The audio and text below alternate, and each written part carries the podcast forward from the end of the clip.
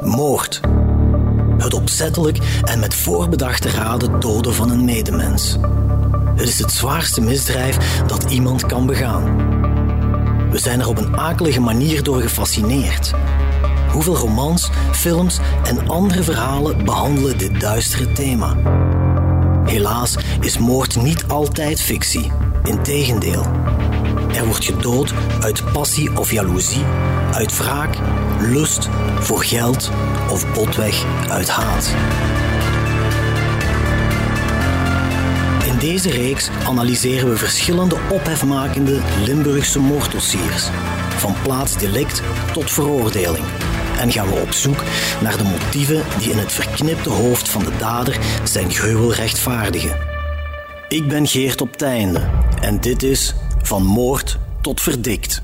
De Villa-moord, deel 2. Leugenberg.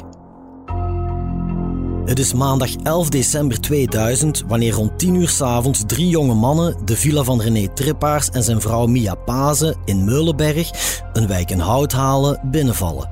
Het koppel zestigers wordt gekneveld, bedreigd en onder schot gehouden. Wanneer de zenuwen te hoog oplopen, neemt het geweld toe en uiteindelijk wordt er een schot gelost dat René dodelijk treft. Vlak na de feiten wordt het politieonderzoek opgestart, maar dat belandt al snel op een dood spoor. Niemand in Meulenberg wil een verklikker zijn. Om de zaak nieuw leven in te blazen, werken de speurders mee met het toenmalige VTM-programma Getuigen Gezocht. Zo vertelt Erik Valkenborg van de federale gerechtelijke politie van Hasselt. We hebben toen onze aanvraag gedaan, omdat we het noodzakelijk achten om, om zo vlug mogelijk eventuele kijkers uh, als getuigen die zich toch nog iets zouden herinneren van die avond te kunnen opsporen. Omdat ja, mensen, als je beelden laat zien over wat, hoe dat daar ter plaatse plaatsgevonden heeft en, en beelden laat zien van de auto en beelden van de uh, replica van de, ontvreemde juwelen die ze hadden. Van, uh, want ze hadden de horloge mee van René Trippaars en juwelen van van Mia Pasen die op foto's stonden, wilden dan daar die foto's um, voor dat aan te tonen. Ja, je, je, weet nooit of er iemand op inpikt natuurlijk. We zijn daar ter plaatse in, in de Huidenwaterstraat. Alles, ik heb zelf als dader meegespeeld bij die opnames. Weliswaar hebben we allemaal bivakmutsen op, want die daders hadden ook bivakmutsen op en handschoenen aan. Dus we hebben daar eigenlijk een volledige reportage gemaakt. Die Cadillac hadden we dan ook terug daar ben ik ook mee gaan rondrijden op plaatsen waar dat die mogelijk zou kunnen gezien zijn. Hè. Maar er is eigenlijk weinig of geen reactie op gekomen op die uitzending van ons. De reportage over de Villa-moord wordt in twee delen uitgezonden. Op 30 mei en op 5 juni 2001. Al zorgt het programma niet voor de doorbraak waarop de speurders hopen. Dat keerpunt komt er wel, wanneer iemand uit Meulenberg dan toch wil praten denk in de zomer 2001, ik denk dat ik zelfs in verlof was, word ik gecontacteerd dat iemand wil praten. Afspraak gemaakt met die jongeman. Ik kan daar moeilijk een naam over zeggen. Een zeer gekend figuur, Meulenberg. Geen brave jongen. En die afgesproken op een, in een horecazaak op een terras ergens uit verlof teruggekomen. En die zei, Ait Medi Mustafa, Situ Zakaria, Omarir Mohammed. Dat zijn de dames. Mee gebabbeld toen dat hij erbij kwam. Eh, die gaf nog toelichting via hetgeen wat hij van waar en hoe en wat vernomen had. Ik weet 100%, niet 99%, 100%, die drie zijn het geweest. Dan gaan we mee met die, niet, niet op een verklaring natuurlijk, dat was onmogelijk. Dan gaan we terug naar de burelen kijken we wie al allemaal, want ik kende nog niet iedereen, want ik heb ze ook niet allemaal mee opgepakt. We, zijn, we werken in een groep en wie is nu juist allemaal opgepakt en van wie hebben we allemaal DNA of niet. Plots hebben de speurders dus drie namen. Mustafa Ait Medi, Mohamed Oumarir en Zacharias Titou. Een belangrijke doorbraak in het dossier, die ook advocaat Gino Houbrechts zich nog levendig kan herinneren. Wat ik me nog zeer goed herinner uit de dossier, en dat is misschien toch wel interessant, dat was dat op 11 september 2001, dat is dus precies de dag dat uh, van de aanslagen op de WTC-torens in New York, ons, ons allen gekend. Precies op die dag, of 11 september 2001, dan stelt uh, de gerechtelijke dienst van het arrondissement Hasselt, dat noemde men toen de GDA, dus dat is nu de FGP, dan stelt meneer Valkenborg een zeer belangrijk PV op. Dat PV slaat inderdaad ook in als een bom en meneer Valkenborg zegt, kijk, ik weet uit drie verschillende bronnen wie de daders zijn. En dan staat daarin, hij noemt die, mensen met naam Mustafa Ait Medi, Mohamed Oumarir en Zacharias Tito. Dus dat is een privé van 11 september. En dan gaat men over, ook weer zoals men dat noemt, tot een gecoördineerde actie op 17 september 2001, waarbij die drie mensen worden aangehouden. Dan hebben we die drie opgepakt. DNA, alle drie. Ik zeg het u, 2001, het was helemaal anders. Bewust maandags opgepakt, sindsdags aangehouden, kwamen die vrijdags voor de raadkamer. En de onderzoeksrechter wilde per se voor de raadkamer resultaat DNA. Het DNA-staal waar de onderzoeksrechter op dat moment uitsluitsel over wil, is afkomstig van een bloedspoor dat de politie in de villa in Houthalen heeft aangetroffen. Het DNA van het bloed wordt vergeleken met dat van de drie opgepakte verdachten, vertelt Erik Valkenborg. Het belangrijkste bewijs wat we eigenlijk hadden, kwam door de mensen van het laboratorium. Eh, technische vaststellingen die daar toen toch wel schitterend werk gedaan hebben. Ze hebben daar ook laden en kassen doorsnuffeld gehad, de daders in de woning. En een lade in de keuken die uitgetrokken was, onderkant, was een bloedspoor. Veeg bloed, want de daders droegen handschoenen. Kon niet van de slachtoffers zijn, onmogelijk. Het was recent bloed. Moest dus van een van de daders zijn. Vermoedelijk heeft een van die daders, want ze hebben een, een soort bijlachtig, hamerachtig iets gebruikt, het raam ingeslagen en vermoedelijk had een van die daders door het raam dan verder te forceren zich aan de handen zelf gekwetst. Dat was een belangrijk DNA-spoor nu. Ik weet dat dat toen in alle die DNA-stalen naar ergens een laboratorium in Gent zijn gegaan. En daar had men ons voorafgaandelijk, want we hadden eerst contact opgenomen of dat mogelijk was. En die zeiden, ja, dat lukt. Donderdagavond, laat, laat, acht uur, negen uur s'avonds, kregen we uitsluitsel dat een van de drie gearresteerden inderdaad zijn DNA correspondeerde met die bloedsporen onder de lade. We waren zeer gelukkig dat we ervan overtuigd waren dat we zeker één dader hadden. DNA werd geïdentificeerd als zijnde van Stitu Zacharia. Door de match van het bloedspoor met het DNA van Stitu beslist de raadkamer dat de drie verdachten opgesloten blijven. De speurders beginnen opnieuw met ellenlange ondervragingen, maar de mannen die hullen zich in stilzwijgen. Tot Zacharias Stitu een dikke week later bekentenissen aflegt. U hoort zijn raadsman Gino Houbrechts. Die mensen zijn allemaal afkomstig van Meulenberg. Op dat moment uh, Meulenberg. Het werd ook vaak Leugenberg genoemd destijds. Uh, dat was niet zo'n prettige coté, daar hoef ik geen tekening bij te maken, denk ik. Die zaak was in feite gekenmerkt door het stilzwijgen van die mensen. Er was in feite maar één man die gesproken heeft, dat was uh, mijn cliënt, Zacharias Titu. Die heeft op 26 september en op 2 oktober in feite uitvoerige bekentenissen afgelegd in die zin dat hij eerst acht pagina's en nadien zes pagina's aan verklaringen heeft afgelegd, waarbij hij uh, zijn aandeel in die feiten heeft geschetst. Nu, een heel pikant detail was dat die man de mogelijkheid krijgt om de schuld voor een groot gedeelte van zich af te schuiven. In die zin dat uh, meneer Valkenborg stelt, kijk, uh, dat er een uh, getuige was. Die getuige zou dan hebben gezegd dat uh, meneer Mustafa Aitemedi en uh, meneer Zacharias Titu met de wagen, met de Cadillac, de auto van de slachtoffers, naar Houthalen Hellechteren zou zijn gereden om daar geld te pinnen. Ook mevrouw Pasen was formeel en stelt, kijk, er is maar één dader hier in huis gebleven.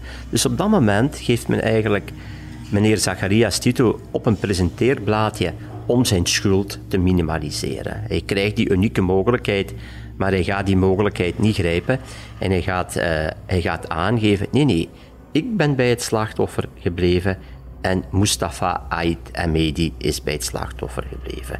En dan vertelt die man dat uh, bij het knevelen van meneer, meneer was gekneveld, meneer Tripaars, en uh, men heeft achteraf meneer willen optrekken, rechttrekken, waarbij het pistool tegen de arm van meneer was gedrukt. Dat pistool zou ongelukkigerwijze, dat was de stelling, zijn afgegaan. En dat is in het lichaam langs de arm in het lichaam gedrongen van het slachtoffer. En meneer is daar spijtig genoeg aan die verwondingen overleden. Verdachte Zacharias die bekent dus niet alleen schuld. Hij vergroot ook zijn eigen aandeel in de zaak. En Stitou vertelt de speurders nog meer. Zo blijkt dat de drie mannen al enkele dagen voor de feiten op verkenning zijn geweest in de villa. Dat heeft de Zacharia ook bekend. Enkele dagen voordien, 8 december, is er een verkenning geweest. Zijn die mensen daar nog rond de villa geweest? En is meneer Tripa zelf uh, buiten gekomen en heeft een schot met een alarmpistool geschoten om de daders weg te jagen. Ze moesten er al geweest zijn, want anders gaat je niet zo. Dat was de moeilijkste weg op dat moment. En waarom zou je de moeilijkste weg nemen als er andere mogelijkheden zijn? Tenzij dat je weet dat er camerabewaking hangt. Hè? Door het feit dat je er al geweest bent en je gedetecteerd zit geworden. De twee andere verdachten blijven halstarrig zwijgen, vertelt Erik Valkenborg. Al kan de politie wel de aanwezigheid van Oumarier in de villa aantonen. De andere twee, Oumarier Mohamed en Aitmedi Mustafa, hebben nooit bekend. Die hebben al beweerd dat zij in het jeugdhuis zaten. Um, alibi wat heel zwak was, want dat is daar in en uitgelopen. Maar als je daar twee uur weg viel je bij wijze van spreken daar niet op, want daar liep allemaal jeugd rond. Dus dat was eigenlijk een heel zwak element. Die hebben dat nooit toegegeven. Maar er was een haar gevonden, er meerdere haren gevonden in die Cadillac. Wat volgens de deskundige afkomstig was van Heer Mohammed. Dus een staving dat hij wel degelijk in die auto moet hebben gezeten. Nu, daar heeft hij toen een flauwe uitleg over gegeven. Voor de onderzoekers is het duidelijk. De drie opgepakte jonge mannen zijn degene die ze moeten hebben. Het enige waar de speurders nog steeds geen duidelijkheid over hebben, is het moordwapen. Daar blijkt een bijzonder verhaal aan vast te hangen. natuurlijk, van waar kwam dat wapen? En waar is het wapen? Dat wapen was dan weer weg. Ik heb het wapen nooit gevonden. Maar wie kwam het wapen? Waarom kwam onder andere dat het uiteindelijk van een van de broers Oemarier kwam. Daar onderzoek op, op, verder gedaan. Herkomst, waar is dat wapentoestand? Dat, dat is niet van één dag, hè. Dat, gaat, dat, gaat, dat gaat weer een hele periode over. Maar dat leverde dan ook weer geen resultaat op. Het wapen is nooit niet teruggevonden. Dat is juist, maar dat wapen, dat is toch wel heel, heel speciaal, het wapen waarmee die feiten zijn gebeurd. Dat was in feite een wapen dat circuleerde in het criminele milieu op de Meulenberg. Dat was in feite een wapen wat van hand tot hand ging, waar al feiten mee gebeurd waren en waarbij na de zogenaamde Villa-moord nog feiten zijn gebeurd. En op een bepaald moment is dat wapen in handen gekomen van, uh, van iemand op de Meulenberg. Die heeft dat wapen op zijn beurt uitgeleend aan drie jong gasten die de intentie hadden om een krantenwinkel te gaan overvallen en dat waarschijnlijk ook hebben gedaan. En achteraf gaat de uitlener van het wapen, die gaat terug om dat wapen. Die gaat dat wapen vragen aan de meneer aan wie het, het wapen heeft gegeven. En dan gebeurt daar een ongeluk met het wapen. En de persoon die het wapen moet overhandigen, die schiet per ongeluk een medecompaan in zijn buik. Dus dat is toch wel heel, heel bijzonder, een zeer bijzondere anekdote van dat wapen. In juni 2004, 3,5 jaar na de feiten in de Houthalense villa, moeten Mustafa Ait Medi, Mohamed Oumarir en Zacharias Titou, allemaal 23 op dat moment, voor het Hof van Assise in Tongeren verschijnen. Een zware periode voor de nabestaanden, vertelt Peter Trippaars, zoon van de slachtoffers. Na drie jaar komt die assisezaak natuurlijk. En ja, dat is het heftigste wat er is. Dat is, ja, assisezaak vond ik heel, heel moeilijk. Ik heb negen dagen in Tongeren gezeten. En elke dag ja, kom thuis en je, je weet niet, geen uur, geen dag, je weet totaal niks meer. Je beleeft alle momenten terug opnieuw. En dat is het zwaarste. Ik vond een assisezaak heel, heel moeilijk. Voor mij was heel belangrijk, wat, wat is er eigenlijk gebeurd? Wat is er eigenlijk gebeurd? Want ik had acht jaar geen contact met mijn ouders. Dus ik had totaal geen band met mijn ouders toen dat gebeurd is. Dus ik wou weten wat er allemaal gebeurde, waarom die jonge gasten daar binnengevallen zijn en waarom wouden die geld en juwelen hebben. Dat was voor mij. En waarom hebben ze geschoten? Is het doelgericht of is het ja, per gebeurd? Dat wou ik eigenlijk wel weten. Hoewel het proces enorm zwaar weegt op Peter, loont het voor hem wel om er negen lange dagen naartoe te gaan. Meer dan drie jaar nadat hij zijn vader verloor bij de roofmoord, krijgt hij eindelijk antwoorden op zijn vragen. Ook krijgt hij de kans om de families van de daders te spreken. Zo slaagt hij erin om de feiten een plaats te geven. Voor mij zijn alle antwoorden gegeven. Ik heb er heel veel uitgehaald. Ik weet het verhaal van begin tot einde hoe het is eigenlijk gebeurd, waarom. En, en ja, en waarom dat schot gebeurd is eigenlijk. Dat is iets wat uh, bepaalde momenten heel moeilijk is. Dat is nog altijd heel moeilijk. Mijn vader is doodgeschoten, maar niet doelgericht. Het was eigenlijk een schot die afgegaan is eigenlijk, wat ze eigenlijk niet bewust. Het is niet het afmaken, maar het is onbewust is dat schot afgegaan. En hij is dan in zijn longen geraakt en hij is eigenlijk gestikt. En dat vind ik eigenlijk heel moeilijk. Dus uh, ze zijn gaan lopen en toen is mijn vader dan gestikt. Mijn moeder was erbij en ze kon er niks meer aan doen en hij is doodgegaan. En ik heb er eigenlijk contact gehad met die familie. Tijdens de rechtszaak. Dat waren mensen die eigenlijk heel westers waren. En op de middag, we gingen een middagpauze en ze liepen naast mij en ik heb hem gewoon aangesproken. Ik voelde dat, ik moet tegen die mensen iets zeggen. Ja, die wisten niet wat ze moesten zeggen natuurlijk. Ja, die wisten dat ik de zoon was. Ik zei, ik wil gewoon eens een gesprek hebben. Ik zie dat jullie afzien. Wij zien af, met jullie ook. Want uw, uw broer heeft iets gedaan wat eigenlijk, ja, eigenlijk niet kan. En ik voelde dat ook. Die mensen ja, die zaten heel veel, heel veel verdriet. En ik heb daar gewoon een gesprek mee gehad. En dat deed me eigenlijk goed. En voor hun ook eigenlijk. Gewoon ja, het respect. Waarom altijd haat? Haat helpt niet. Ik kan het niet meer terugkrijgen, maar ik krijg mijn vader toch niet terug. Ook al is het heel veel haat. Maar je moet een plaats geven. Heel belangrijk, gebeurtenis aan plaats geven. Vergeten doet je nooit, maar plaats geven. Advocaat Gino Houbrecht staat Zacharias toe bij in het proces, samen met meester Valerie Liefsoens.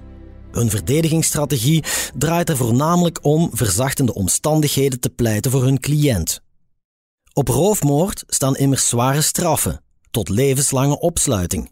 Maar als de jury de verzachtende omstandigheden zou aanvaarden, kan de straf uitdraaien tussen de 3 en 30 jaar gevangenis.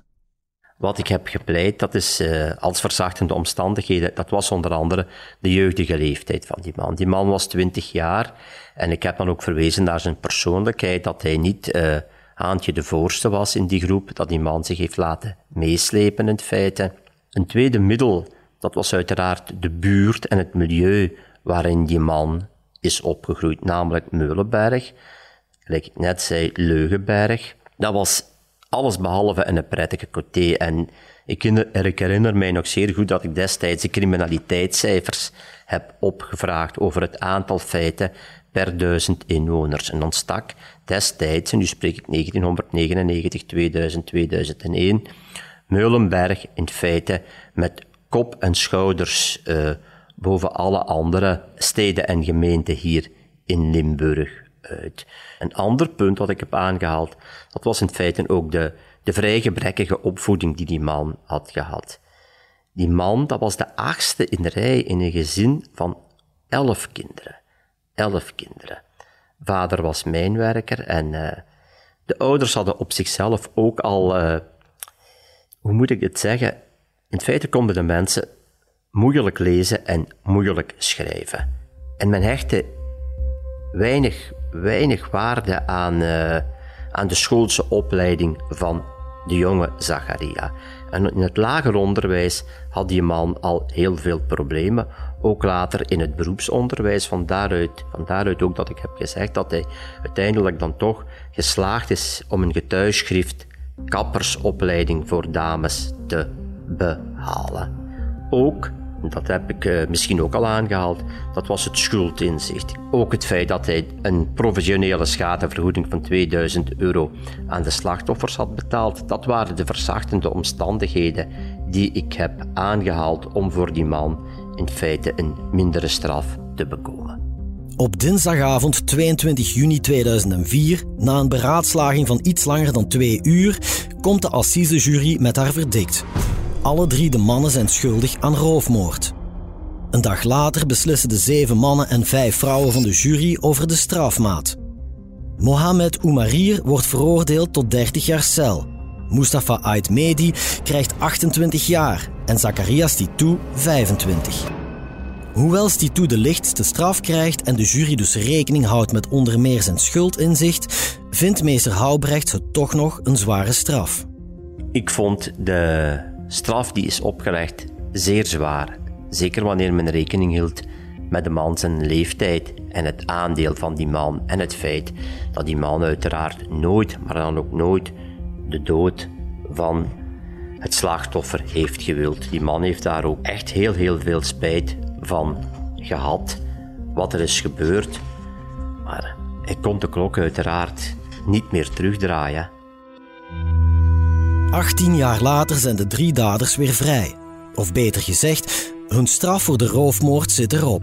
Want Mohamed Oumarir is inmiddels weer veroordeeld tot 65 maanden cel voor cocaïnetransporten. Met Zacharias Titou gaat het wel goed, zo blijkt. Hij heeft definitief gebroken met het criminele milieu, vertelt zijn advocaat.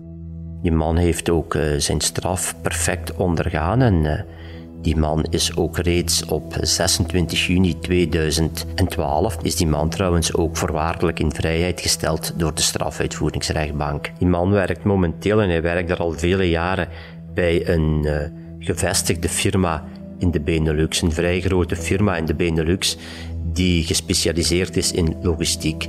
En uh, meneer Zacharias Tito is daar te werk gesteld en hij doet dat op een onberispelijke wijze. Die man heeft dat verleden volledig, maar dan ook volledig achter zich gelaten.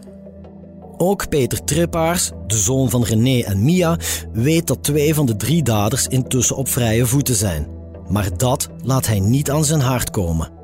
Nee, ik heb er geen moeite mee. Ik zou zelfs niet weten hoe, hoe ze eruit zullen zien. Ik ken die mensen eigenlijk niet. Mijn moeder zit in een rusthuis, die komt niet meer buiten. Voor de rest, ik ga daar weinig contact mee hebben en ik denk er ook niet aan. Ik laat dat gewoon los.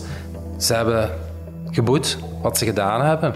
Is dat genoeg of is dat niet genoeg? Voor sommigen is dat niet genoeg. Oké, je kunt het allemaal heel moeilijk maken, maar het wat het gebeurd is. En zeg maar plaats, plaats maken en, en, en plaats geven. En wat de feiten betreft, die kan Peter intussen plaatsen. Dankzij de positieve ingesteldheid waarmee hij in het leven staat.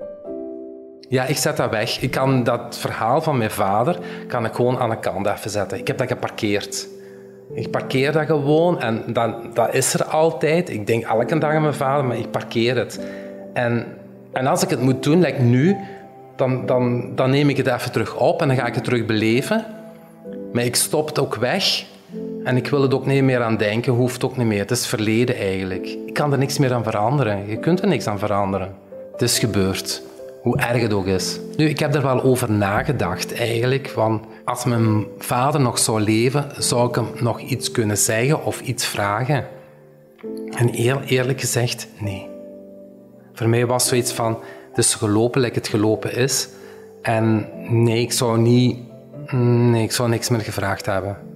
Nee, ik zou mijn vader heel graag, maar ja, dat is te veel gebeurd. En, en voor mij was zo, oké, is spijtig, heel spijtig, maar je kunt er niks meer aan veranderen en je kunt enkel het beste van maken en proberen op een goede manier op te lossen. en af te handelen gewoon. Je moet proberen ja, je leven terug op te bouwen. Hè.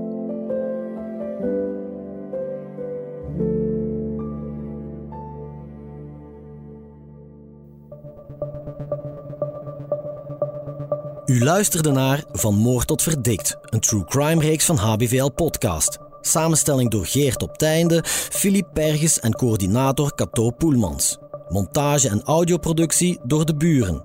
Chef podcast is Geert Nies. Reageren? Dat kan via podcast@hetbelangvanlimburg.be. Benieuwd naar wat er in de wereld gebeurt en wat dit juist betekent voor onze provincie? Ontdek onze voordelige leesformules op hbvl.be/voordelig.